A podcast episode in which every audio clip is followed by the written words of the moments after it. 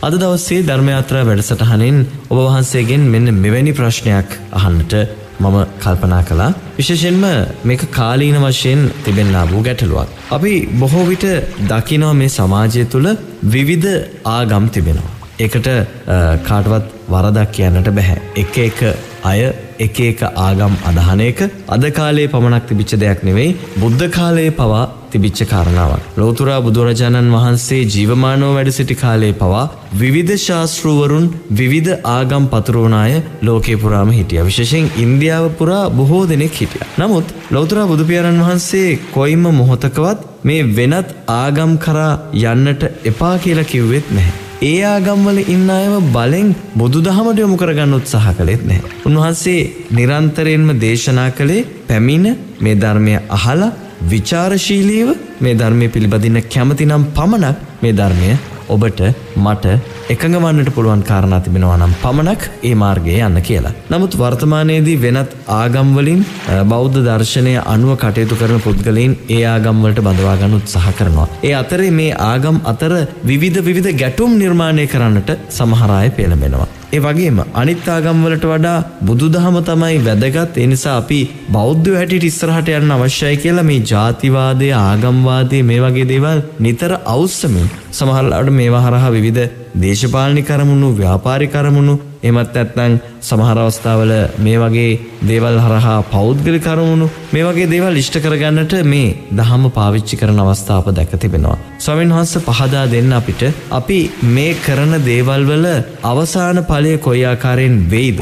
එහෙම නැත්නම් මේ වගේ කාලයක මේ වගේ තත්වයක අපි එය නිවැරදිව අවබෝධ කරගත යුත්තේ කෙසේද සහ එය විසනාගත යුත්තේ කෙසේද යන්න දහමට අනුව පහදා දෙන්න කියලා මේ මොහොතේදීම ඕහන්සේගෙන් නමස්කාරපූරකව ආරාධනා කර සිටිනවා.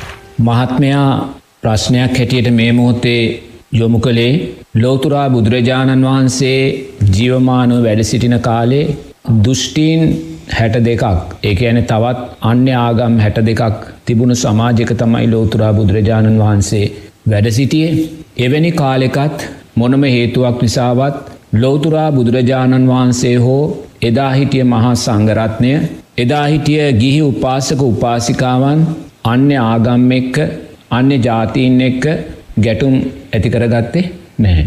ඒ වගේම අන්‍ය ආගම්වල පූජායිස්ථාන එමනැත්තන් ඒගොල්ලන්ට අයිති පන්සල් ඒගොල්ලන්ට අයිති ආරන්න වේවා ඒවා බලහත්කාරෙන් අයිති කරගන්න ගිය නැහැ. නමුත් වර්තමානයේ තත්ත්ව ඊට වඩා ගොඩස් වෙනස් වර්තමානයේ නිරේතුරුවම අපි දකිනවා බලහත්කාරයෙන් තමන්ගේ ආගම්වලට බඳවා ගැනීමේ ව්‍යාකෘතින් තීරණ වෙනවනේ අපේ ක්‍රිකට් කණ්ඩාමේ පවා ලොකු මතබේද සැරින්සර ඇති වෙනවා ජනතාවතර විශාල සැකයන් ඇති වෙනවානේ අන්‍ය ආගම් විසින් යම් යම් අනවශ්‍ය බලපෑම් සිද්ධ කරනවා කියලා. ති මේ වගේ වර්තමානය කොහේ බැලුවත් ඕනෑම ආගමක් උත්සාහ ගන්නේ තමන්ගේ ගොඩ වැඩි කරගන්න. තමන්ගේ පිරිස වැඩි කරගන්න. අන්‍යාගමකින් කෙනෙක් දැහැගන්න. නොත් බුදුරජාණන් වහන්සේගේ ශාසනයේදී බුදුරජාණන් වහන්සේ ජීවමානව වැඩ සිටිද්දි. ඒ උතුම් මහා සංගරත්නය වැඩ සිටිද්දි මෙවැනි දෙයක් සම්මා සම්බුද්ධ ශාසනය තුළ සිදුවනේ නැහැ. බුදුරජාණන් වහන්සේ වනත් අන්‍යාගමික කෙනෙක් තමන් ඉදිරියට ඇවිල්ලා ධර්මයක් ශ්‍රවනය කරලා උතුම් පැවිදිභාවය ඉල්ලුවොත් බුදුරජාන් වහන්සේ නිරේතුරුව කියපු දෙයක් තියෙනවා. ඔබ කලබල වෙන්න එපා. ඔබ තවත් හිතන්න. ඔබ තවත් ධර්මය තුළ ජීවත්වෙන්න. ඔබ මේ ධර්මය අර්ථයන් ඔබ තුළින් ඒහි පස්සිකව දකිනවනම් ඔබ ඇවිත් පැවිදිවෙන්න. ඒවගේම කොතනකවත් බුදුරජන් වහන්සේ ශ්‍රාවකයින්ට කිව්වෙනෑ බලහත්කාරෙන් අන්‍යාගම පිරිස් පැවිදිභාවයට පත් කරගන්න කියලා. උපාසක උපාසික භාවයට පත් කරගන්න කියලා. ද ඔතැන්ට හේතුවක් තියෙනවා. එතොට ඒ හේතුව තමයි බුදුරජාණන් වහන්සේ වැඩහිටියේ මේ උතුම් සම්මා සම්බුධ ශාසනය. උන්වහන්සේ තමයි ශාසනය ශාස්තෘන් වහන්සේ. උන්වහන්සේ තමයි ශාසනය උපද්දවල දුන්නේ. උන්වහන්සේ තමයි ශාසනය අයිතිකරු. එතෝඩේ ශාසනය අයිතුකරු හැටියට ලෝතුරා බුදුරජාණන් වහන්සේ සම්මා සම්බුද්ධ ශාසනය කියලා අපිට දුන්නෙ මොකක්ද. චතුරාරි සත්‍යය. එතොට චතුරාරි සත්‍යද මුල්ම ආරි සත්‍ය දුක කියන කාරණය. බුදුරජන් වන්සේ මුලින්ම පෙන්වා දුක කියන කාරණය. මොකක්ද දුක. ජාති ජරා ව්‍යාදි මරණ සෝක පරිදේව දුක්ක දෝමනස්යන් ප්‍රියන්ගෙන් වෙන්වීම අප්‍රියන්නා එක්වීම් පංචුපාදානස්කන්ද දුක. දෙවනුව බුදුරජාණන් වහන්සේ පෙන්වා දුකට හේතුව තුෂ්නාව කියන කාරණය. ඔබ තුළ දුකක් සකස් වෙනවනම් ඊට හේතුව තුෂ්නාවයි. ඔබ තුළ ආගම නිසා ජාතිය නිසා රට නිසා දුකක් සකස් වෙනවනං ඊට එකම හේතුව කුමක්ද. ඒවා කෙරේ ඇතිකර ගත්තාව තුෂ්ණ. ඒවා කෙරේ ඇතිකර ගත්තාව තුෂ්නාව. එතුර බුදුරජාණන් වහන්සේගේ ශාසනය තුළ බුදුරජාණන් වහන්සේ ධර්මය පනවන්නේ තුෂ්නාවේ නිරෝධය උදෙසා. තුෂ්නාව සියුම් කිරීම උදෙසා. එහෙමනං බුදුරජාණන් වහන්සේ ජීවමානෝ වැඩ සිටින කාලේ අතීත රහතන් වහන්සේලා ජීවමානුව වැඩ සිටින කාලේ සම්මා සම්බුද්ධ ශාසනය කැන බුදුරජාණන් වහන්සේගේ ශාසනය අන්‍ය ආගමික පින්වතුල්ලා බලහත්කාරයෙන් තමන්ගේ ආගමට පොළොවා ගැනීමේ අවශ්‍යතාවය තිබ්බේ නැහැ. ඇයි තිබ්බෙ නැත්තේ උන්වහන්සේලා වැඩ සිටියේ තුෂ්නාව නිරෝධය කරලයි. එතනයි තැන උන්වහන්සේලා අවබෝධය ඥානයෙන්ම දැක්කා අන්‍යාගම් නෙමේ තමන්ගේ උතුම් බුදුරජාණන් වහන්සේ තුෂ්නාවෙන් ගත්තොත් එතනත් ජාති ජරාවියාදි මරණ දුක තියෙනවා කියලා. තමන්ගේ ධර්මරත්නය තුෂ්නාවෙන් ගත්තොත් එතනත් ජාති ජරාවියාදි මරණ දුක තියෙනවා කියලා. තමන්ගේ උතුම් සංගරත්නයක් තුෂ්නාවෙන් ගත්තොත් එතනත් ජාති ජරාවියාදි මරණ තියෙනවා කියලා. ඇයි තුෂ්නාව හේතුවෙන් උපාදානය සකස් වෙනවා උපාදානය හේතුවෙන් භවය සකස් වෙනවා භවය හේතුවෙන් උපත සකස් වෙනවා උපත හේතුවෙන් ජරාවියාදි මරණ සකස් වෙනවා. එනිසා බුදුරජාණන් වහන්සේලා අතීත ශ්‍රාවකයින් වහන්සේලා අවබෝධ ඥානයෙන්ම දැනගෙන හිටියා.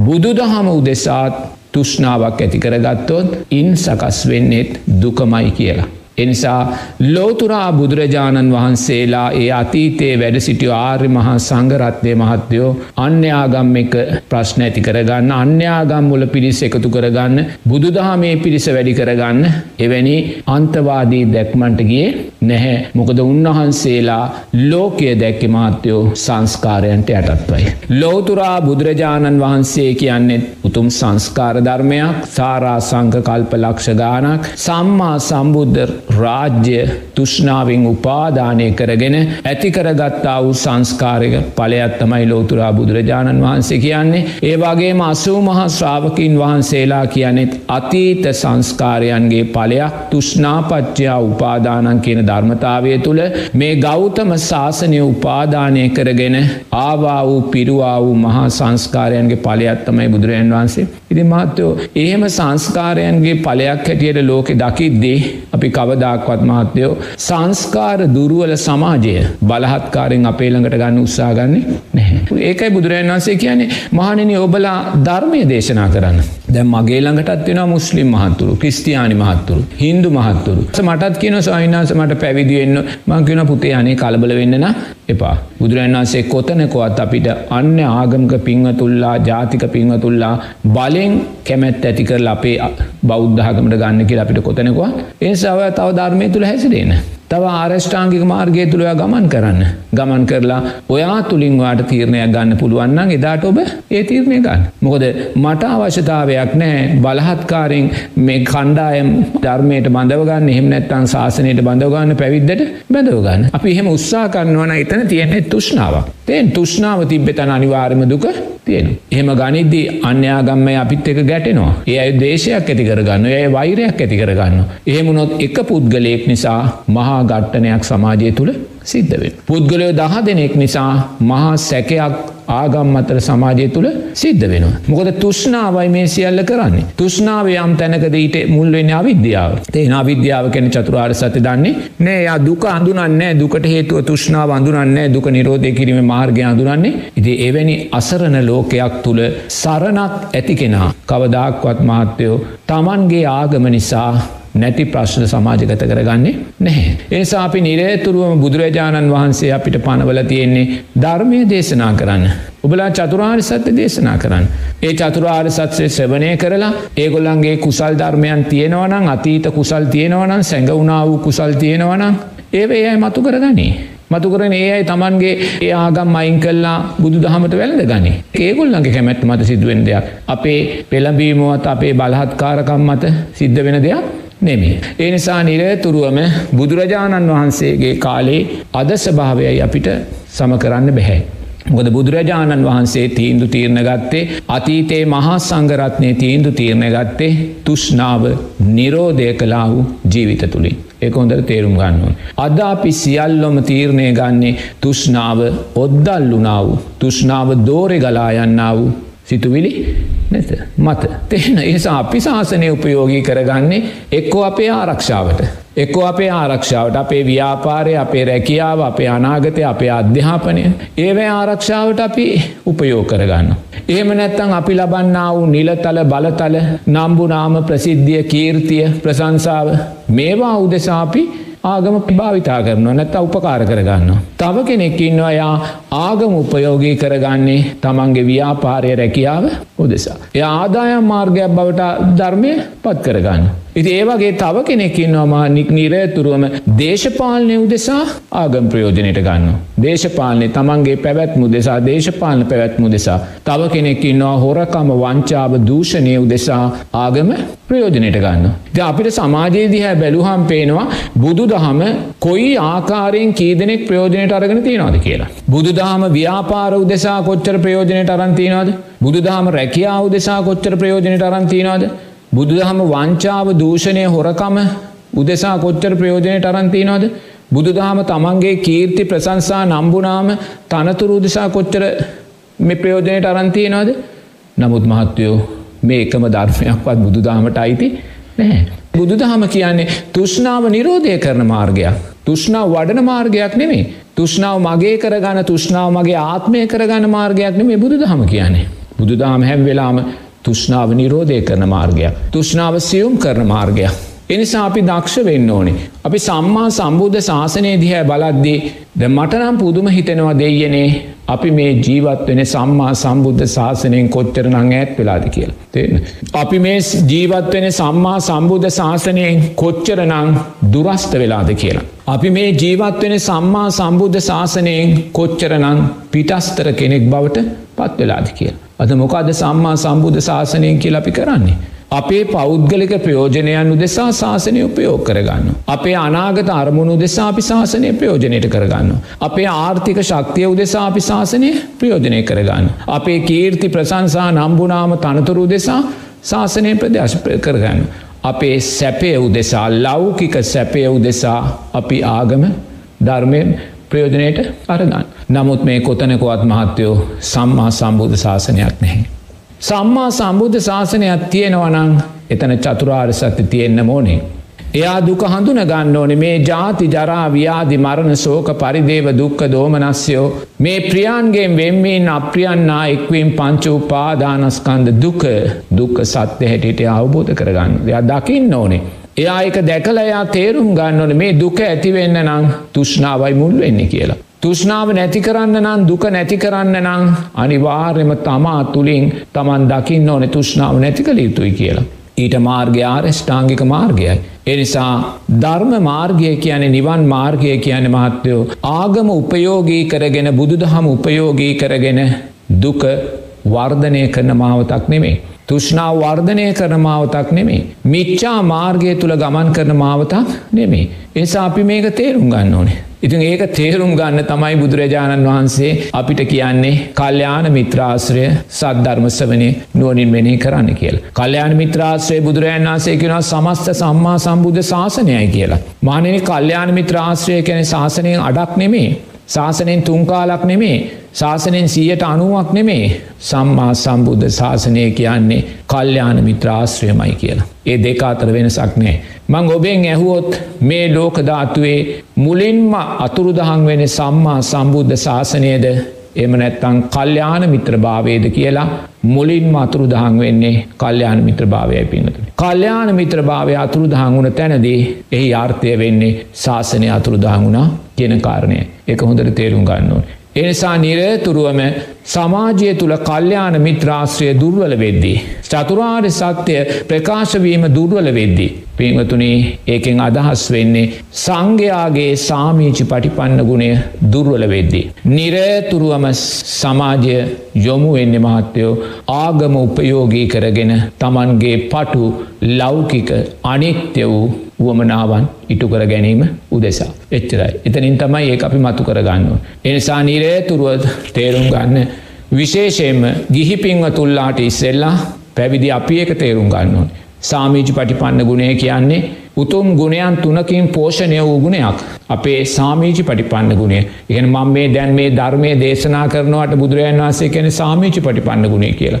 මං මේ සාමීචි පටිපන්න ගුණයයි මේ මොහොතේ ඔබට ප්‍රකට කරන්නේ ධර්මයාත්‍රා තුළින්. එතොට මේ සාමීචි පටිපන්න ගුණේ තුළ ඥායි පටිපන්න ගුණේ තියෙන්න්න ඕනේ. ඒ වගේම උජු පටිපන්න ගුණේ තියෙන්න්න ඕනේ. සුපටිපන්න ගුණේ තියෙන්න්න ඕනේ. මේ කාරණා තුනෙන් මගේ සාමීචි පටිපන්න ගුණේ පෝෂණය වෙන්න ඕනේ. එහෙම නැතුව දවසට අපේ රටේ ධර්ම දේශනා දාහක් දේශනා වුණා කියලා ඒකෙන් අදහස් වෙන්නේ ඒ ධර්ම දේශනා දාහතුළම සාමීජි පටිපන්න ගුණේ තිබ්බ කියලා ඒ අපි තේරුම් ගන්න ඕන. ඒ සාමීජි පටිපන්න ගුණේ සැබෑ සාමීචි පටිපන්න ගුණයක් වෙන්න නම්. ඒ සාමීචි පටිපන්න ගුණේ තුළ සුපටිපන්න උජු පටිපන්න ඥාය පටිපන්න කියන උතුම් ගුණයන් තුනෙන් පරිපූර්ණ වූ පෝෂණය වූ ශක්තිය ඒ සාමිචි පටිපන්න ගුණේ තුළ එනිසා අපි බුදුරජාණන් වහන්සේ අපිට කියන්නේ සමාජය කියන්නේ හේතු පලධර්මයක් අවිද්‍යාව නිසා සකස් වූ සංස්කාර සංස්කාර නිසා සකස් වූ විඤ්ඥාන් එක හොදර තේරුම් ගන්න. මේ වර්තමාන සමාජයේ බුදු දහම උපයෝගී කරගෙන යමෙක් ව්‍යාපාර කරනවනන් බුදු දහම උපයෝගී කරගෙන යමෙක් හම්බු කරනවනන් බුදු දහම උපයෝගී කරගෙන යමෙක් දේශපාලනය කරනවනන් බුදු දහම උපයෝගී කරගෙන යමෙක් තනතුරු නිලතර දරනවනන් ඒ සෑම දෙයක් තුළම අපි දකින්නේ තුෂ්නාවේ බලවත් භාවේ තමයි. චතුරාර් සත්‍යයගෙන් අපි බැහැරට ගියා. එතුට එතන සම්මා සම්බුද්ධ ශාසනයක් නැහැ. සම්මා සම්බුද්ධ ශාසනය කියන උතුම් චතුරාර් සත ධර්මයයි. එනිසා අපි නිරේතුරුව දක්ෂ වෙන්න ඕනේ.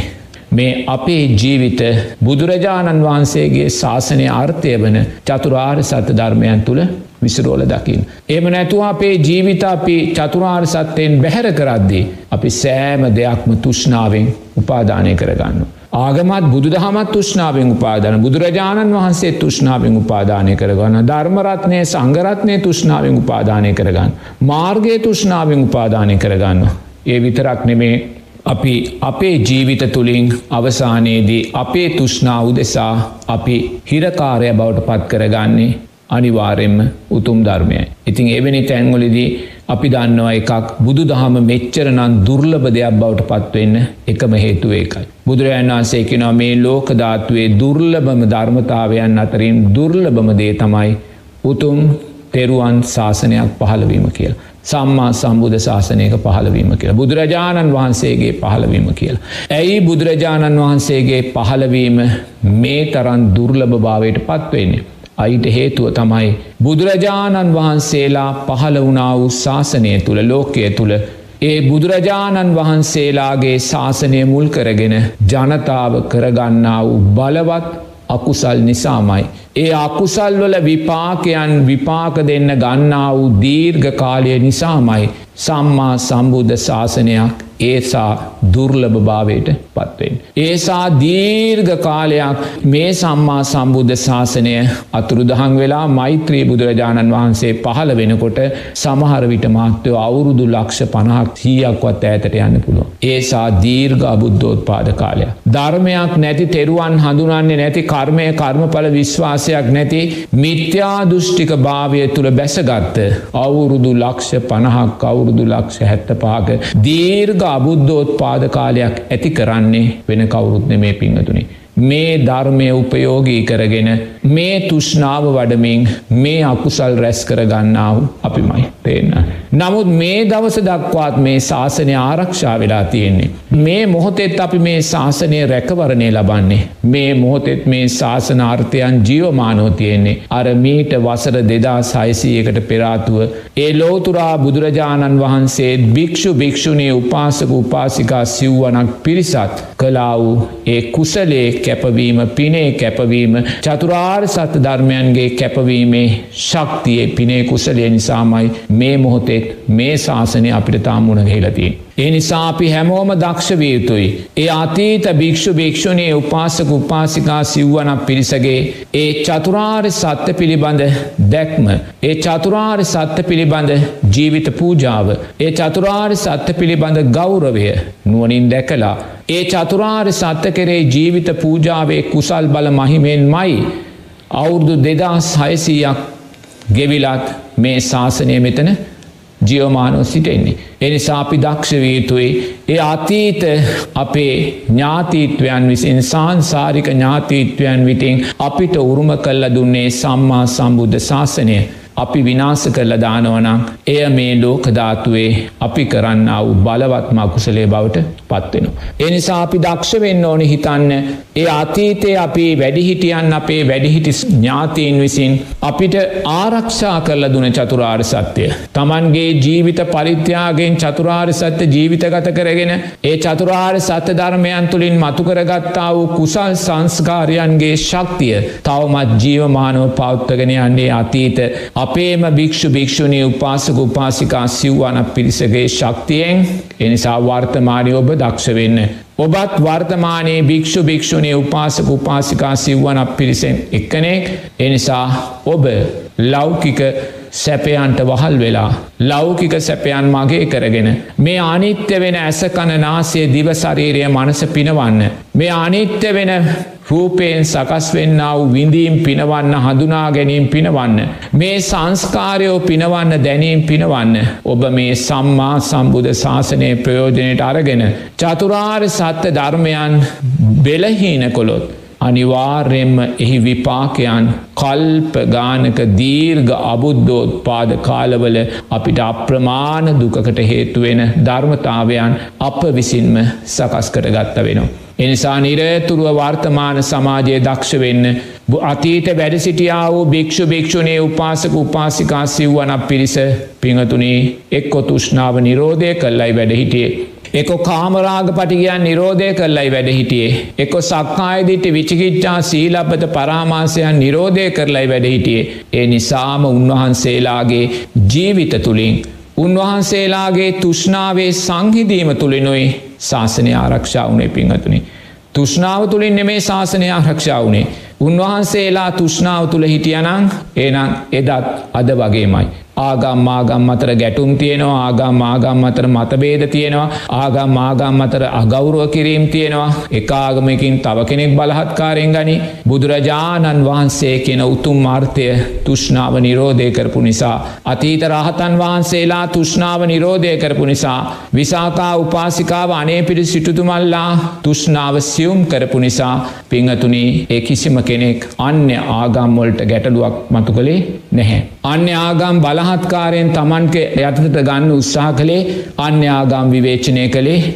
ඒ සෑම දෙයක් උන්වහන්සේලා දැක්කේ සංස්කාරයන් හැටියට. සංස්කාරයෝ අනිත්‍යය කියලා උන්වහන්සේලා දන්නවා. ඒ සංස්කාරයන්ගේ අනිත්‍ය භාවය නිසා කවදාහරි දවසක මේ සම්මා සම්බුද්ධ ශාසනයත් අතුරු දහං වෙලා යනවා කියලා උන්වහන්සේලා දන්නවා. උන්වහන්සේලා අවබෝධ ඥානයෙන්ම සම්මා සම්බුද්ධ ශාසනය කියලා සිහිපත්වෙද්දී ඊළඟ සිතුවිල්ලෙන් අනිත්‍යයි කියෙන දැක්ම උන්වහන්සේලා දන්නවා. අතීත බුදුරජාණන් වහන්සේලා ලක්ෂගානක් පහළ වනාලෝකය තුළ ඒ සෑම බුදුරජාණන් වහන්සේ නමක්ම පිරිනිවන් මංචකේදී පූජනය අලු ගොඩක් පූජනය ධාතුන් වහන්සේලා ගොඩක් වුණා කළ උන්වහන්සල දන්නවා.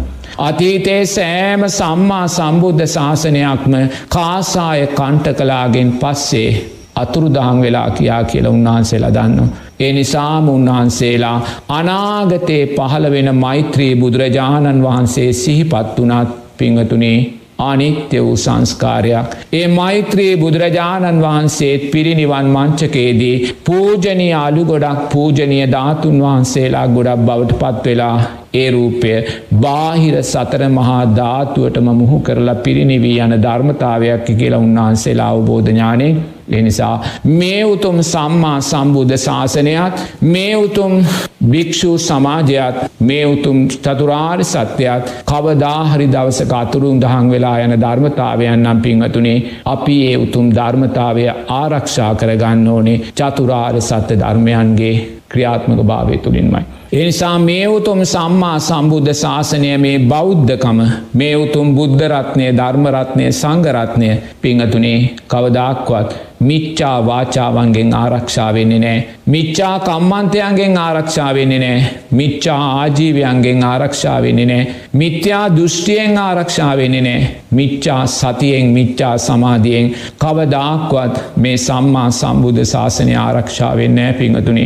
ඒ නිසා අපි කවදාක්වත් උද්ඝෝෂණ කරලා මහපාරට බැහැලා අරගල කරලා ආවුධාරගෙන ගහමරාගෙන බුදු දහම ආරක්ෂා කලා වූ ධර්මතාවයක් මේ ලෝක ධාත්වය කොතනකවත් නෑ පිංහතුනි. මොකද අපි ආවුදයක් අතට ගන්න මොහොතක් පාසා මිච්චා වාචාවක් කතා කරන මොහොතක් පාසා මිච්චා කම්මන්තයක් කරන මොහොතක් පාසා අකුසලයයි අපේ බලවත්වේනේ. දුකයි අපේ බලවත් වෙන්නේ. අකුසලේ බලවත් වෙද්දි දුක බලවත් වෙද්දී චතුරාර් සත්‍ය ධර්මයෝ අතුරු දහන් වෙන දිසාවට මිසක් චතුරාර් සත්‍ය ධර්මයෝ පෝෂණය වෙන දිසාාවකට යන්නේ නෑ පිංහතුනේ. ලෝතුරා බුදුරජාණන් වහන්සේ අතීත ශ්‍රාවකයින් වහන්සේලා මේ සම්මා සම්බුද්ධ ශාසනය ආරක්ෂා කළේ උතුම් සම්මාධිට්්‍යාර්ථයෙන්. උතුම් සම්මා සංකප්පයන්ගේ අර්ථයෙන් උතුම් සීලේ අර්ථයෙන් උතුම් සමාධී එනිසා ඔබ දක්ෂ වෙන්න සංස්කාරයන් විසින් ගොඩ නැගුවා වූ ලෝකයක් අප ඉදිරියේ තියෙන්නේ. ඒ සංස්කාරයන්ට අදාළවයි මනුස්්‍යයාගේ දැනීම් සකස් වෙන පිංහතුනේ එනිසා කොතන බැලුවත් අහවල් ආගමෙන් අහවල් දේ කරනවා අහවල් ආගමෙන් අහවල් ආගමට අගෞරුව කරනවා අහවල් අය බෞද්ධ ජනතාවේ ආගම්වලට පොළඹවා ගන්නවා. මේ සෑම දෙයක් තුළම අපි දකින්නේ සංස්කාර හේතුවෙන් සකස් වූ විඤ්ඥානය කියෙන ධර්මතාවයමයි පිංහතුනි. එනම් සංස්කාර සකස් වනේ අවිද්‍යාව නිසාමයි එනිසා අවිද්‍යාව අපේ ජීවිත තුළ තියෙන තාක්කල්. අවිද්‍යාව අපේ ජීවිතයෙන් නිරෝධය නොකරන තාක්කල් පිංහතුනේ මේ ඇලීම් ගැටීම් ලෝකය තුළ අපි තව තවත් අවිද්‍යාව දිසාවටම ගමන් කරලා අවසානයේ අපිත් අර දීර්ගාබුද්ධෝත්පාද කාලේ මිත්‍යා දෘෂ්ටික භාවේ සැබෑ එකම උරුමක්කාරය බවට පත්වෙනවා. එනිසා මේ පංචු පාදානස්කන්ද ලෝක ඉපදුනේ අවිද්‍යාවෙන් ඒ අවිද්‍යාව තුළින් සකස් වනා වූ තුෂ්නාවේ පලයමයි පංච නීවරණයන්ගේ පලයමයි මේ පංචු උපාදානස්කන්ද ලෝකය යම් තැනක තුෂ්නාව තියෙනවනං යම් තැනක පංචු උපාදානස්කන්දය තියෙනවනං එතන නිවැරදි භාවයක් නෑ එතන ධර්මයක් නෑ එතන තියෙන අධර්මයයි එනිසා ඔබ දක්ෂ වෙන්න බුදු දහමේ නාමෙන් සම්මා සම්බුද්ධ ශාසනයේ නාමෙන් අධර්මය නං ශාසනය හැටියට දකින්න එපා. ඔබ ශාසනයේ නාමෙන් තුෂ්නාවනන් ජීවිතයට එකතු කරගන්න බලන්නේ. ඔබ ශාසනයේ නාමෙන් තුෂ්නාවනං ඔබ ප්‍රවර්ධනය කරන්න බලන්නේ ඒ ප්‍රවර්ධනය කරන්නේ දුකමයි ඒ ඔබ දුර්වල කරන්නේ ආර්යෂ්ඨාංගික මාර්ගයමයි පිංහතුනේ ශාසන විකෘතියෙන් අපිට පේනවා සමාජය තුළ ධර්මය විකෘතියෙන් අපිට ශාසනය තුළ පේනවා. සංඝ සමාජයේ දුර්වල භාවයන් ශාසනය තුළ තියෙනවා. භික්‍ෂුව මේ ආසනය මත වාඩි වෙලා ඒ සෑම දෙයක් දකින්නේ සංස්කාරයන්ගේ විවිධත්වය හැටියටයි. සංස්කාරයන්ගේ අනිත්‍ය භාවය හැටියටයි. ඒ සංස්කාරයන් විසින්ම සකස් කොටදුන් දැනීම්වල පලය හැටියටමයි පිංහතුනේ එනිසා නිරේතුරු ඔබ දක්ෂ වෙන්න. ශාසන වැරදි දිසාවන්ට අපි ශාසනාර්ථයන් අරංගියොත් පිංහතුනේ කාසාය කන්ටකලාගේ ලෝකයක් පහු කරලා මෛත්‍රී බුදුරජාණන් වහන්සේගේ ශාසනය ලබෙන්න තව අවුරුදු ලක්ෂ පණහකට වඩා දීර්ඝ කාලයක් යනවා. එනිසා ඒ දීර්ඝ කාලය ධර්මය අතුරු දහන් වුණ තෙරුවන් අතුරු දහන් වුණ කර්මය කර්ම පිස් විශ්වාසය අතුරු දහන් වුණ දීර්ඝ අබුද්ධෝත්පාද කාලයක් කියන කාරණය අපි තේරුම් ගන්න ඕනේ එනිසා ඒ දීර්ඝ අබුද්ධෝත්පාද කාලයට මුහුණදීමේ කාලය දීර්ඝ කර ගැනීමේ වගකීම ඔබ අතයි තියෙන්නේ. පින්වත් ඔබ අතයි.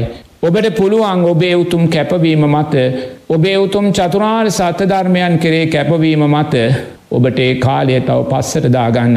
මේ ශාසනය අතුරුදාං වෙන තව තියෙන්නේ අවුරුදු පන්සීයද දහද එය දෙදහ තුන්දහක් බවට පත්කර ගැනීමේ ශක්තිය තියෙන්නේ පින්වත් ජනතාවටමයි. භික්‍ෂු භික්‍ෂුණී උපාසක උපාසිකා සිව්වනක් පිරිසටමයි නමුත් පිංහතුනේ ඒ උදෙසා සම්මා සතිය තියෙන් ඕනේ වර්තමානයේ සම්මා සතිය දුර්වලයි යැයි සම්මා සතියට ඉහලින් තියෙන මාර්ගාංග හයම දුර්වල වෙලා පිංහතුනේ එනිසාපි අනාගත පංච උපාදානස්කන්ද බිය අනාගත පංච උපාදානස්කන්ද දුර අනාගත පංච උපාදානස්කන්ද ගැඹුර දකින්නේ නෑමොකොද වර්තමානය තුළ තුස්නාවේ අගාදයටම අපි වැටිලයි තියෙන්නේ. අපි ශාසනය උපයෝගී කනගෙන තනතුරු හොයෙනවා ධනය හොයෙනවා යානවාන හොයෙනවා සැප සම්පත් හොයෙනවා ඒ වගේම ශාසනය උප්‍රයෝග කරගෙන තව කෙනෙක් දේශපාලනය කරනවා ව්‍යාපාර කරනවා පිංහතුනේ මේ එකක්වත් ශාසනය නෙමේ.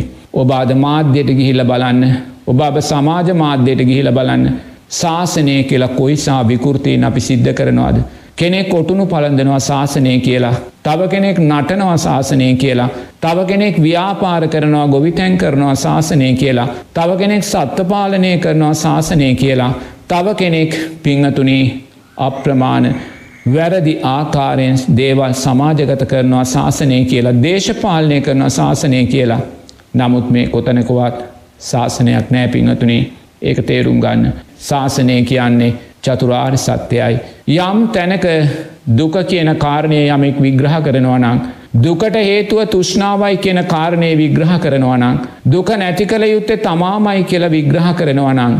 නැතිකිරීමේ මාර්ග ආරෂ්ඨාංගික මාර්ගයයි කියලා විග්‍රහ කරනවා නං. එතනයි ශාසනය කියන්නේ. එනං ඔබට තේරෙනවා අද ශාසනය කියන්නේ කොයිසා පුංචි ඉඩද්ද කියලා. මේසා පුළුල් සමාජයක් තුළ මේසා විසුරුණු සමාජයක් තුළ මේසා පැතුරුණු සමාජයක් තුළ අද ශාසනය කියන්නේ බොහෝම පුංචි සීමාවකට කොටුවෙච්ච තැනක් කියලා දැන් ඔබට තේරෙනවා මොකද අපි කතා කරන්නේ දුක ගැන්නෙමේ සැප ගැන සැප ගැන කතා කරමින් අපි මොකක්ද කරන්නේ අපි වඩන්නේ තුෂ්නාවමයි රූප කෙරේ තුෂ්නාව වඩනවා. වේදනා කෙරේ තුෂ්නාව වඩනවා. හඳුනා ගැනීම් සංස්කාර විඤ්ඥානයෝ කරේ අපි තුෂ්නාව වඩනවා. ඒ නිසාම අපි නිරේතුරුවම දුක තුනී කිරීමේ ධර්මතාවයන් තමා තුළින්ම තමා ප්‍රතික්ෂේප කරනවා. තුෂ්නාව තුනේ කිරීමේ ධර්මතාවයන් තමා තුළින්ම තමා ප්‍රතික්ෂේප කරනවා. ඒ ප්‍රතික්ෂේප කිරීම තුළම තමා තමාගේ ජීවිතයෙන් ආර්යෂ්ඨාංගික මාර්ගය ප්‍රතික්ෂේප කරපු කෙනෙක් බවට පත්වෙනවා. නමුත් සමාජයේ පින් කරනවා. නමුත් සමාජයේ මෛත්‍රී වඩනවා. සමාජයේ පින්කම් කරනවා. නමුත් ඒ මෛත්‍රිය තුළ ඒ පින්කම් තුළ ඒ සීලය තුළ සම්මා සම්බුද්ධ ශාසනය නෑ. ඒක හොඳට තේරුම් ගන්න. ම නැවතත් ඒදේ කියනවා. අපේ සමාජය අප්‍රමාණ ආකාරයෙන් සිල් සමාදන් වෙනවා. අපේ සමාජය දන් දෙනවා අපේ සමාජය මෛත්‍රී වඩනවා අපේ සමාජයේ භාවනා කරනවා නමුත් ඒ කිසිවක් තුළ සම්මා සම්බුද්ධ ශාසනය නෑ පිංහතුනේ ඇයි. ලෝතුරා බුදුරජාණන් වහන්සේ පහළවෙන්න පෙරාතුවත් දඹදිව සමාජයේ මිනිස්සු සිල් රැක්කා දන් දුන්නා මෛත්‍රී වැඩුවා රූපාවචරා රූපාවතර ධ්‍යාන දක්වා සමාධිය පුහුණු කළා නමුත් සම්මා සම්බුද්ධ ශාසනය තිබෙ නෑ පිංහතුනි. ඒ උතුම් ධර්මතාවයන් සම්මා සම්බුද්ධ ශාසනයෙන් පෝෂණය වෙලා තිබෙන හැ. අදායිමත් අපි කොතෙන්ට දැවිල්ල තියෙන්නේ. සමාජය තුළ සීලය තියෙනවා සම්මා සම්බුද්ධ ශාසනය නැහැ.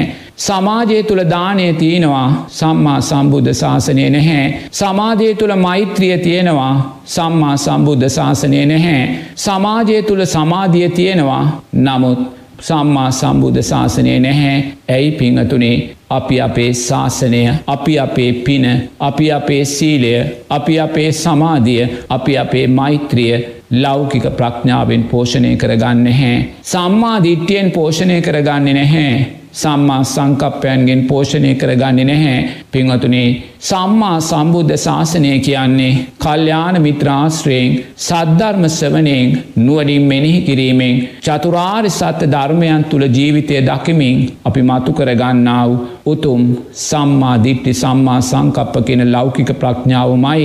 එනිසා අපේ සීලය අපේ මෛත්‍රිය අපේ සමාධී අපේ පින්කම් නිරේතුරුවම ලෞකික ප්‍රඥාවෙන් පෝෂණය වෙන්න ඕනේ. තෙරුවන් කරේ සද්ධාවෙන් පෝෂණය වෙන්න ඕනේ කර්මය කර්මඵල විශ්වාසයෙන් පෝෂණය වෙන්න ඕනේ. මටත් මේ ජීවිතය උතුම් සෝවාන් පලට පත්වෙන්න පුළුවන් කියන විශ්වාසයෙන් පෝෂණය වෙන්න ඕනේ. සම්මා සංකප්පයන්ට අදාළ නෙක්කම්මෙන් පෝෂණය වෙන්න ඕනේ. නමුත් ඔබේ හර්ද සාක්ෂිර තට්ටු කල් අහන්න ඔබේ ජීවිතය තුළ ඔබේ ධර්ම මාර්ගය තුළ සම්මාධිට්්‍යය තියෙනවාද කියලා ඔබේ ධර්ම මාර්ගය තුළ නෙක්කම් මේ තියෙනවාද කියලා අපි මේ ශාසනය ආරක්ෂා කරන්න කියල යන්නේ ශාසනය විනාස කිරීමේ දිසාවටමයි කියන කාරණය අපි තේරුම් ගන්න ඕනේ. අපි ශාසනය ආරක්ෂා කරන්න නං කරුණා කරලා චතුරාර් සත්‍ය ජීවිතය තුළින් ආරක්ෂා කරගන්න. දුක ජීවිතයෙන් දැකලා දුකට හේතුව තුෂ්නාව ජීවිතයෙන් දැකලා දුක නැති කළ යුත්තේ තමාමයි කියල දැකලා පිංහතුනේ කරුණා කරලා උතුම් ආර්යෂ්ඨාංගික මාර්ගයට ජීවිතය පූජා කරන්න නෙක්කම්ම සංකප්පය නැති ජීවිතය පිංහතුනේ චතුරාර් සත්‍යයන්ගෙන් බැහැරවෙච්ච ජීවිතයක් සම්මා සංකප්ප සම්මාධිට්ටි නැති ජීවිතය චතුරාර් සත්‍යයන්ගෙන් බැහැරවෙච්ච ජීවිතයක් එතනද අපේ ජීවිතයට ඉතුරු වෙන්නේ තුෂ්නාව හේතුවෙන් සකස් වෙන දුකමයි. තුෂ්නාව හේතුවෙන් සකස් වෙන සංස්කාරමයි. ඒ සංස්කාරයන් හේතුවෙන් සකස් වෙන ජාති ජරා ව්‍යාදි මරණ දුකමයි. එනිසා පිංහතුනේ දෘෂ්ටීන් හැට දෙනක දෙකකින් පිරුණ එදා දඹදිව සමාජය බුදුරජාණන් වහන්සේ දැක්කේ ධර්මය උපේක්ෂාවෙන් ධර්මය උපේක්ෂාවෙන් දැක්කෙ මොකද ධර්මය උපේක්ෂාව මේ නං හේතු පල ධර්මයන්මයි. මේ නම් මනුස්්‍යයාගේ සංස්කාර ධර්මයන්මයි. කල්්‍යාන මිත්‍ර ආශ්‍රයක් නැති සමාජයක්. කල්්‍යාන මිත්‍ර ආශ්‍රය දුර්වල වෙන සමාජයක්. ධර්ම දානය දුර්වල වෙන සමාජයක පිංහතුනේ අපි දකින්නේ ශාසන විරෝධී සංස්කාරයන්ගේ වර්ධනයක්මයි අපේ වර්තමාන සමාජයේ බලවත් ආකාරයෙන් ධර්මදානය දුර්වල කරගන්නවා පිංහතුනේ. ආහාර දානයන් වස්ත්‍රදානයන් ඒවගේම කුටි දානයන් කුටි පූජාවන් පන්සල් පූජාවන් ඒවා අප්‍රමාණ සිව්පසයෙන් දන්දුන්නත් පිංහතුනේ අපි ඒ දෙන සෑම දානයක් තුළම ධර්මදානය විකෘතියක් බවට පත් කරගන්නවා තේරුම් ගන්න. ඔබ සිදුකරන සිව්පසයෙන් කරන්න වූ පූජාවන් තියෙනවා පින්ඩ පාතයෙන් සේනාසනවලින් ගිලම් පසෙන් චීවරයෙන් ඔබ ශාසනය උදෙසා කරන පින්කම් පිංහතුනේ සැබවින්ම ධර්ම දානයක් බවට පත් කර ගන්නවාද. ඔබේ හර්ද සාක්ෂර තට්ටු කල් අහන්න ඔබ පින්කම් කරලා ඒ තුළින් ඔබ රැස් කරන්නේ අධර්ම දානයක් නං පිංහතුනේ එය ශාසනාර්ථයන් ශක්තිමත්වීම උදෙසා හේතු වෙන්නේ නැහැ.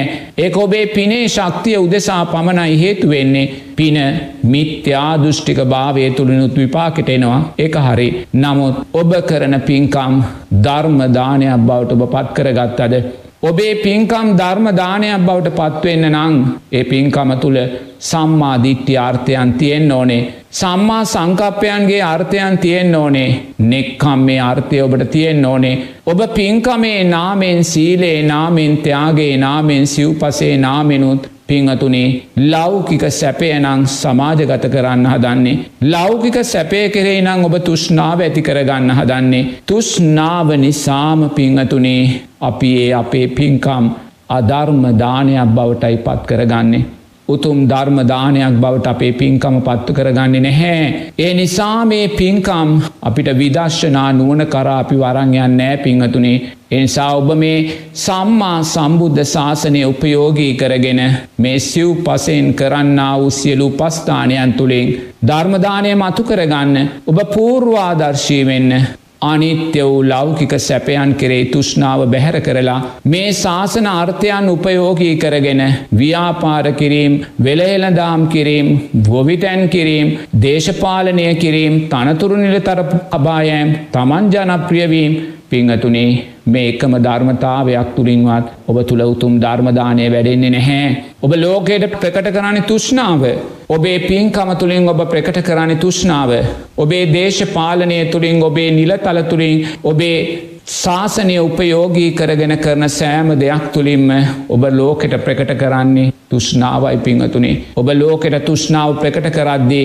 ඔබ ලෝකෙට ප්‍රකට කරන්නේ ජාති ජරාව්‍යාදි මරණයි. ඔබ ලෝකෙට ප්‍රකට කරන්නේ මිච්චා ආරෙෂ්ඨාංගික මාර්ගයයි පිංහතුනේ බලන්න කොච්චර නං අපි දුරුවලද කියලා. එනිසා ලෝතුරා බුදුරජාණන් වහන්සේගේ සමාජ මේක තිබ්බා භික්ෂුවක් හැටියට මමත් මේ ආසනය මත වාඩි වෙලා ඔය ලෝකෙ අද දකිනවා මෙතනි දම් පිංහතුනේ.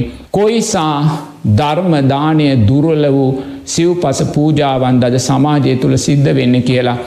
එනිසා ඔබේ ධර්මදානමේ පින්කම් තුළ වගේම ඔබ ශාසනය උපයෝගී කරගෙන කුමන දෙයක් කළත් ව්‍යාපාරයක් කළත් දේශපාලනයක් කළත් වෙනයම් දෙයක් කළත් පිංහතුනේ නිරේතුරුවම ඔබ දක්ෂ වෙන්න ඕනේ. ඔබ ඔබේ පැවිදි ජීවිතයස මේ උතුම් ශාසනය උපයෝගී කරගෙන අපි ලෝකයාට දෙන්නේ චතුරාර්ය සත්‍ය ධර්මයන්ගෙන් බැහැරට යන අධර්ම දානයක් කියන කාරණය අපි බොහෝම කරුණාවෙන් තේරුම් ගන්න පිංහතුනේ එනිසා ඔබ දක්ෂ වෙන්න භික්ෂුවක් හැටියට ම වචනයක් කතා කළොත් ඒ වචනය තුළින් මං උත්සාහ ගන්නේ චතුරාර් සත්‍යයේ අර්ථය ඔබට දෙන්න. මම ඉරියව්වක් පැවැත්තුවෙක් මං උත්සාහ ගන්නේ ඒ තුළින් චතුරාර් සත්‍යය අර්ථය ඔබට කියල දෙන්න පිංහතුනේ එසේ කරද්දී අද උදේ ඉඳම් මේ මොහොත දක්වා මං මේ ලෝකයාට පූර්වා දර්ශීව කොතෙක් නං ධර්මදානය පූජා කරන්න ඇද්ද පිංහතුනේ නමුත් මට සත පහක්වත් වියදං වෙලා නැහැ. මං සත පහක දෙයක් කාගෙන්වත් ඉල්ලල නැහැ. මං සත පහක දෙයක් මගේ බාරය මගේ සන්තකෙත් නැහැ. නමුත් මං අද උදේ ඉදම් මේ මොහොත දක්වා පිංහතුනේ කොයිසා ධර්මදානයන් පූර්වා දර්ශීව සමාජගත කලාද අන්න ශාසනය පිංහතුනේ අන්න ශාසනයේ. ඔබ දෑස් දෙක පියාගෙන ලෝතුරා බුදුරජාණන් වහන්සේ සීයට නගාගන්න උන්වහන්සේ පාන්දර හතරට අවදි වෙලා රාත්‍රී දහයට දොළහට නින්දට යනතෙක් පිංහතුනේ උන්වහන්සේ මුළු ජීවිතේම ධර්මදානයක්මයි. උන්වහන්සේගේ මුළු ජීවිතේම ධර්මදානයක්මයි පිංහතුනේ වචනයක් කතා කළත් එය ධර්මදානයක් ඉරියව්වක් පැවැත්තුවත් එය ධර්මදානයක් පිංහතුනේ සාරිපුත්ත මහෝත්තමයාණන් වහන්සේ මුගලන් මහෝත්තමයාණන් වහන්සේ අසෝදරා උත්තමාවියගේ ඒ සුන්දර ජීවිත සිහට නගාගන්න ඒ පූර්වා දර්ශී ජීවිත සිහියට නගාගන්න පිංහතුනේ උන්වහන්සේලා වචනයක් කතා කළොත් ධර්මයක් දේශනා කළොත් ඇවතුමක් පැවතුමක් පැවැත්තුවෝත් ඉරියව්වක් පැවැත්තුවොත් පිංහතුනේ ධර්මදානයක්මයි ධර්මදානයක්මයි තුෂ්නාවේ නිරෝධයක්මයි අපි දකින්නේ. තුෂ්නාවේ නැතිභාවයක්මයි අපි දකින්නේ. ඉන්ද්‍රිය සංවරයක්මයි අපි දකින්නේ. තුෂ්නාව නැති තැන උන්වහන්සේලා තුළ අපිට දුකක් නෑ පිංහතුනේ උන්වහන්සේලා නිසා අපිට දුකක් සකස් වෙන නැහැ. ඒ වගේම විසාකා උපාසිකාව අනේ පිළි සිටිතුමා නකුල මාතා නකුල පියා උග්‍ර ගෘහපතිතුමා වේලු කන්ටගෙන අන්දමාස්ථාව දෙස බලන්න. පිංහතුනී ඒ ගිහි පිංවතුල්ලා උපාසක උපාසිකාවන් වචනයක් කතා කලානං ධර්මදානයක්මයි පිංහතුනේ ඉරියව්වක් පැවැත්වුවනන් ධර්මදානයක්මයි කාය කර්මයක් කලානං එක ධර්මදානයක්මයි ඇයි?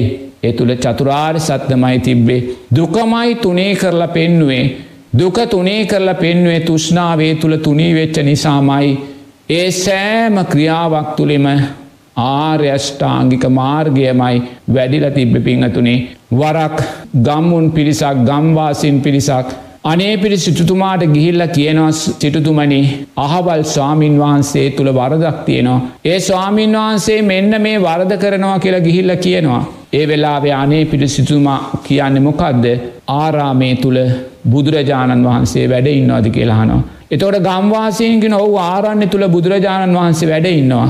එහෙනම් ඒ ගැන බුදුරජාණන් වහන්සේ බලා ගනීවි. බුදුරජාණන් වහන්සේ වැඩ ඉන්න තැන කාගෙවත් වැරදි හොයන්න මට අවශ්‍යනෑ මට ඒ දක්ෂභාවයක් නෑ පිංහතුන මොකක්ද යානේ පිරිසිදුතුමාගේ කතාවේ ආර්ථය වෙන්නේ පිංහතුනේ ඒ කතාව තුළ තියෙන චතුරාර් සත්‍යය. තෙරුවන් කෙරේ වූ සද්ධාව බුදුරජාණන් වහන්සේ වැඩඉන්න ආරන්නේ ස්වාමින් වහන්සේ කෙනෙක්ගේ වැරද්දක් තියෙනවනම් ඒක අනේ පිරිසිතුමා සොයන්න යන නෑ පිංහතුනි එහෙම සොයන්න ගියානං එතන තෙරුවන් කරේ සද්ධාව නැහැ. බුදුරජාණන් වහන්සේගේ අයෝමය ශක්තිය අයෝමය බලය අයෝමය අනුන්ගේ සිද්ධැකීමේ ශක්තිය තමන් අවමං කලා වෙනවා තවන් දෙවැනි තැන්ට දැම්මා වෙනවා. ඒ නිසාම ඒ අනේ පිරිසිතුතුමල්ලා වචනයක් කතා කලා නං ක්‍රියාවක් කලානං අදහසක් ප්‍රකාශ කලානං ඒ සෑම තැනකදම අපි දැක්කේ උතුම් චතුරාර් සත්‍යයයි පිංහතුනේ දැන් ඔබ කවුරුන් වේවා ඉහල කෙනෙක් වේවා මධ්‍යම කෙනෙක් වේවා පහල කෙනෙක් වේවා ඔබේ හද සාක්ෂිට තට්ටු කල් අහන්න ඔබලාගේ වචන තුළින් ප්‍රකාශ වෙන්නේ චතුරාර් සත්‍යයක්ද. ඔබලාගේ ක්‍රියාවන් තුළින් ප්‍රකට වෙන්නේ චතුරාර් සත්‍ය ධර්මයද. අපේ ඔබලාගේ ඇවතුම් පැවතුම් තුළින් ප්‍රකට වෙන්නේ චතුරාර් සත්‍යද එමනැත්තං අපි ලෝකෙට කියල දෙන්නේ තුෂ්නාවද. අපි ලෝකෙට කියල දෙන්නේ පිංහතුනේ දුකද. අපි ලෝකෙට කියල දෙන්නේ මිච්චා ආර්යෂ්ඨාංගික මාර්ගයද පිංහතුනේ අපි ලෝකෙට කියල දෙන්නේ මිත්‍යා දෘෂ්ටියද පිංහතුනේ? අපේ හර්ද සාක්ෂයට අපි තට්ටු කල් අහන්න ඕනේ. මගේ හර්ද සාක්ෂයට මන් තට්ටු කොල්ල සෑම උදෑසනකම සෑම රාත්‍රියක මහනවා මල් ලෝකෙට කියල දෙන්නේ දුකද කියලා? මල් ලෝකෙට කියල දෙන්නේ තුෂ්නාවද කියලා. මල් ලෝකෙට කියල දෙන්නේ මිච්චා මාර්ගයක්ද කියලා? නෑපිංහතුනේ මම ලෝකෙට කියල දෙන්නේ බුදුරජාණන් වහන්සේ දේශනා කලා උච්චතුරාර් සත්‍යමයි. ඒ අර්ථය දකිද්දී මං ඕන වෙලාවක ප්‍රීතියෙන් පස්සද්ධියෙන් මයින්නේ. ඒ ප්‍රීතිය පස්සද්ධිය නිරතුරුවම සමාධිමත් හිතක් මයි මට සකස් කරල දෙන්නේ. ඒ සමාධිමත් හිත මට ඇලීම් ගැටීම් මොලින් තොරව සංස්කාරයන්ට අදාළව ලෝකෙ දැකීමේ ශක්තිය මතු කොල්ල දෙනවා. එනිසා සමාජය තුළ කුමන ආගම් විකෘතිී නැතිවුනත් පිංහතුනේ ඒ අපි දකින්නේ තුෂ්නාවේ පලය හැටියටයි. එය අපි දකින්නේ අවිද්‍යාවේ පලය හැටියටයි. එනිසා සමාජය විකෘතියක් වෙන්න වෙන්න. බුදුදහමේ අර්ථයන් විකෘතියෙන් වෙන්න වෙන්න. අපි නිරේ තුරුවම උත්සාහ ගතයුතුයි චතුරාර් සත්‍යාර්ථයන් ඔසබල තබන්න. මොකද අද අපේ ඉදිරියේ තියෙන්නේ බලවත් වූ විකෘති වූ සමාජයක් පිංහතුනේ. චතුරාර් සත්‍ය ධර්මයන්ගේ අර්ථය බින්දුවටම ඇදදාපු සමාජයක්. ශාසනය පෞද්ගලෙක වුවමනා එපාකම් උදෙසා ප්‍රයෝජනයට ගන්න සමාජයක් එනිසා පිංහතුල්ලා දක්ෂ වෙන්න. මේ ශාසන විකෘතියට අර අදම්මික සූත්‍රයට අදාළව රාජ්‍යනායකයාගේ පටන් ඇමති මණ්ඩලේ පටන් මන්ත්‍රී මණ්ඩලේ පතන් සංග සමාජය අපි දක්වාත් ජනතාව දක්වාත් මේ වන විට වැරදිකාරීන් බවට පත් වෙලා තියනවා. මේ වැරදි නිසාම පිංහතුනේ ඉදිරියේදී ස්භාව ධර්මයක් වැරදි ප්‍රතිචාරයන් අපිට දක්වනවා කියලා ලෝතුරා බුදුරජාණන් වහන්සේ දේශනා කරනවා. ඉරහඳ තාරකා විකෘති වෙනවා. ශ්‍රිතු විකෘති වෙනවා. අව්වවැස්ස විකෘති වෙනවා. මහපොළොව විකෘති වෙනවා. පිංහතුනේ මුල දුර්වල වුණොත් අගානිවාරෙන්ම විනාශභාවයට පත්වෙනවා. එනිසා සමස්ත පින්වත් ජනතාව ජාති ආගම් කුලබේදයකින් තොරව පිංහතුනේ නිරේතුරුවම දක්ෂ වෙන්න ඔබේ සමාජය නිවැරදිභාවයට පත් කරගන්න. මොකද මම දන්නවා මං මේ ධර්මය දේශනා කළත් පිංහතුනේ මං මේ ධර්මය දේශනා කරන්නේ ගොම කළඳක් හෝ තියෙන කලයකටයි කියලා එක හොඳින් තේරුම් ගන්න. මං මේ ධර්මය දේශනා කරන්නේ ගොම තැවරුණු භාජනයකටයි කියල මං හොදා කාරෝ දන්නවා පිංහතුනේ එනිසායේ ගොම ටික ඉවත් කරගන්න ඔබ දක්ෂ වෙන්න ඕනේ. ඒක පැවිදි අපිට කරන්න පුළුවන් දෙයක් නෙමේ පිංහතුනේ. අදම්මික සූත්‍රයට අදාළව අල ඉහල තලයයි කියන රාජ්‍ය නායකයාගේ ඇමතිවරතුමල්ලාගේ පාර්ලිමේන්තු මන්ත්‍රීතුමල්ලාගේ පටන් පිංහතුනේ. ඒ තියෙන අධර්මය ගුණයන් ඔබලා පරාජය කරගන්න. ඊට සුදුසු ක්‍රියාමාර්ග ගණ ජනතාව නිරේතුරුවම උත්සාහගන්න ඕනේ. එසේ නොවනොත් පිංහතුනේ මම නැවතත් කියනවා මං මේ ධර්මය දේශනා කරන්නේ ගොම තැවරුණු බාල්දියකටයි කියලා. ඒක හොඳින් තේරුම් ගන්න.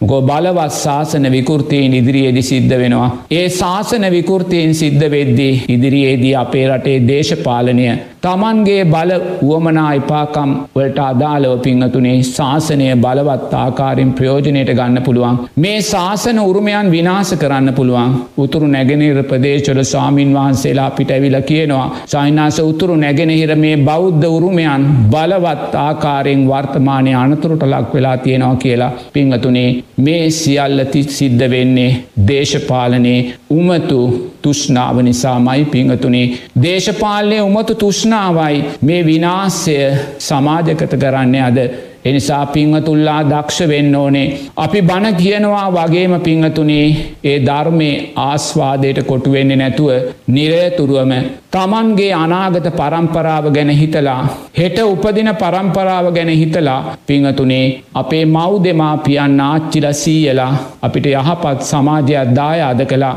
ඒ යහපත් සමාජය තුළ අපි අප්‍රමාණ සැනසිල්ල අතීත හිටිය පිංහතුනේ නමුත් අදාපි ඊළඟ පරම්පරාවට දායාද කරන්නේ කුමක්ද. අදාපි ඊළඟ පරම්පරාවට දායාද කරන්නේ අකුස්සලේ සමාජයක් අකුසලේ ලෝකයක් පිංහතුනේ එනිසා අපේ වගකීම් අපි ඉටු කරන්න දක්ෂ වෙන්න ඕනේ. එනිසා ඔබ මේ සද්ධර්මය අහනවා වගේම මං ඔබට ඒකයි කිව්වේ මා මේ කිරි දොවන්නේ පිංහතුනේ ගොම තැවරුණු භාජනයකට කියලා. අපි කොච්චර වුවමනාවෙන් කොච්චර කැපවීමෙන් චතුරාර් සත්ත දේශනා කළත් ඒ චතුරාර් සත්‍ය ක්‍රියාත්මක භාවයට පත්වෙන්න සමාජ පරිසරයක් නෑ පිංහතුනේ එනිසා ඔබ දක්ෂ වෙන්න නිරතුරුවම මේ රටේ මුල පිරිසිදු කරගන්න පිංහතුනේ. මේ රටේ මුල පිරිසිදු කරන්න මුල කියලා අදම්මික සූත්‍රයේදි කියන්නේ රාජ්‍යනායකත්වය ඇමති මණ්ඩලය මන්ත්‍රී මණ්ඩලයයි පිංහතුනී මේ මුල පිරිසිදු කරගන්න. රටට ආදරය කරන රටට ගරු කරන ශාසනයට ගරු කරන චතුරාර් සත්තට ගරු කරන අවංකභාවය තියෙන පිංහතුනේ සිල්වත් භාවය තියෙන පිරිසක් ඔබේ නායකින් වසයෙන් තෝරගන්න ඔබල දක්ෂ වෙන්න ඕනේ එසේ නොවනොත් මන් නැවතත් කියනවා මේ භික්‍ෂුව කිරිදවන්නේ ගොම තැවරුණ භාජනයකටයි කියලා. හොදයි පිංහතුන් අප්‍රමාණ සතුරට පත්වෙන්න මේ මෝතේ පිංහතුල්ලා සියලූම දෙනා සිරස ගුවන් විදිලේ ඉදිරිය වාඩි වෙලා තෙරුවන් කෙරෙයි සද්ධාවෙන් කර්මය කර්මඵල විශ්වාසයෙන් මේ උතුම් ධර්මයාත්‍රා ඒ ධර්මදානමය පින්කම ශ්‍රවණය කරලා මේ රැස් කරගත්තා වූ සෑම පිනක්ම මුලින්ම ඒ අති උත්තරීතර මහානායක සාමීන් වහන්සේලා ඇතුළු සියලූම වන්දනය මහා සංගරත්නයට මේ පින් නිදුක් නීරෝගී සුවපත්භාවය දීර්ඝායුෂ උතුම් චතුරාර් සද්ධර්මයෝ දැකීම අවබෝධයට මේ පින් උත්තම ශක්තියක් වේවා. ඒ වගේම කල්්‍යාන මිත්‍රභාවෙන් මේ උතුම් සද්ධර්මයන් ශ්‍රවණය කරපු අප්‍රමාණූ පිංහතුල්ලාට ගම්වාසී රටවාසී පිංහතුල්ලාට මේ පින් නිදුක් නීරෝගී සුවපත්භාවය දීර්ඝායුෂ උතුම් චතුරාර් සද්ධර්මයෝ දැකීම අවබෝධයට මේ පින් උත්තම ශක්තියක් වේවා. ඒ වගේම ඒ කල්්‍යාන මිත්‍රභාවයෙන් උපකාරක ධර්මයන් සකස් කොරදුන්. පින්වත් සාරධ මහත්මයාට පුබුදු මහත්මයාට සිරස ගුවන් විදිලියේ ප්‍රධානී සජිත්‍රත්නායක මහත්මය ඇතුළු කාර්මණ්ඩලේ සියලූම පිංවතුල්ලාටත් මේ පින් නිදුක් නීරෝගේ සුවපත්භාවය දීර්ඝාවිෂ උතුම් චතුරාර් සද්ධර්මයෝ දැකීම අවබෝධයට මේ පින් උත්තම ශක්තියක් වේවා. පිංවතුල්ලා සියලූම දෙනාට දීර්ඝායුෂ සැලසේවා තෙරුවන් සරණයි. සාධූ සාධූ සාධූ.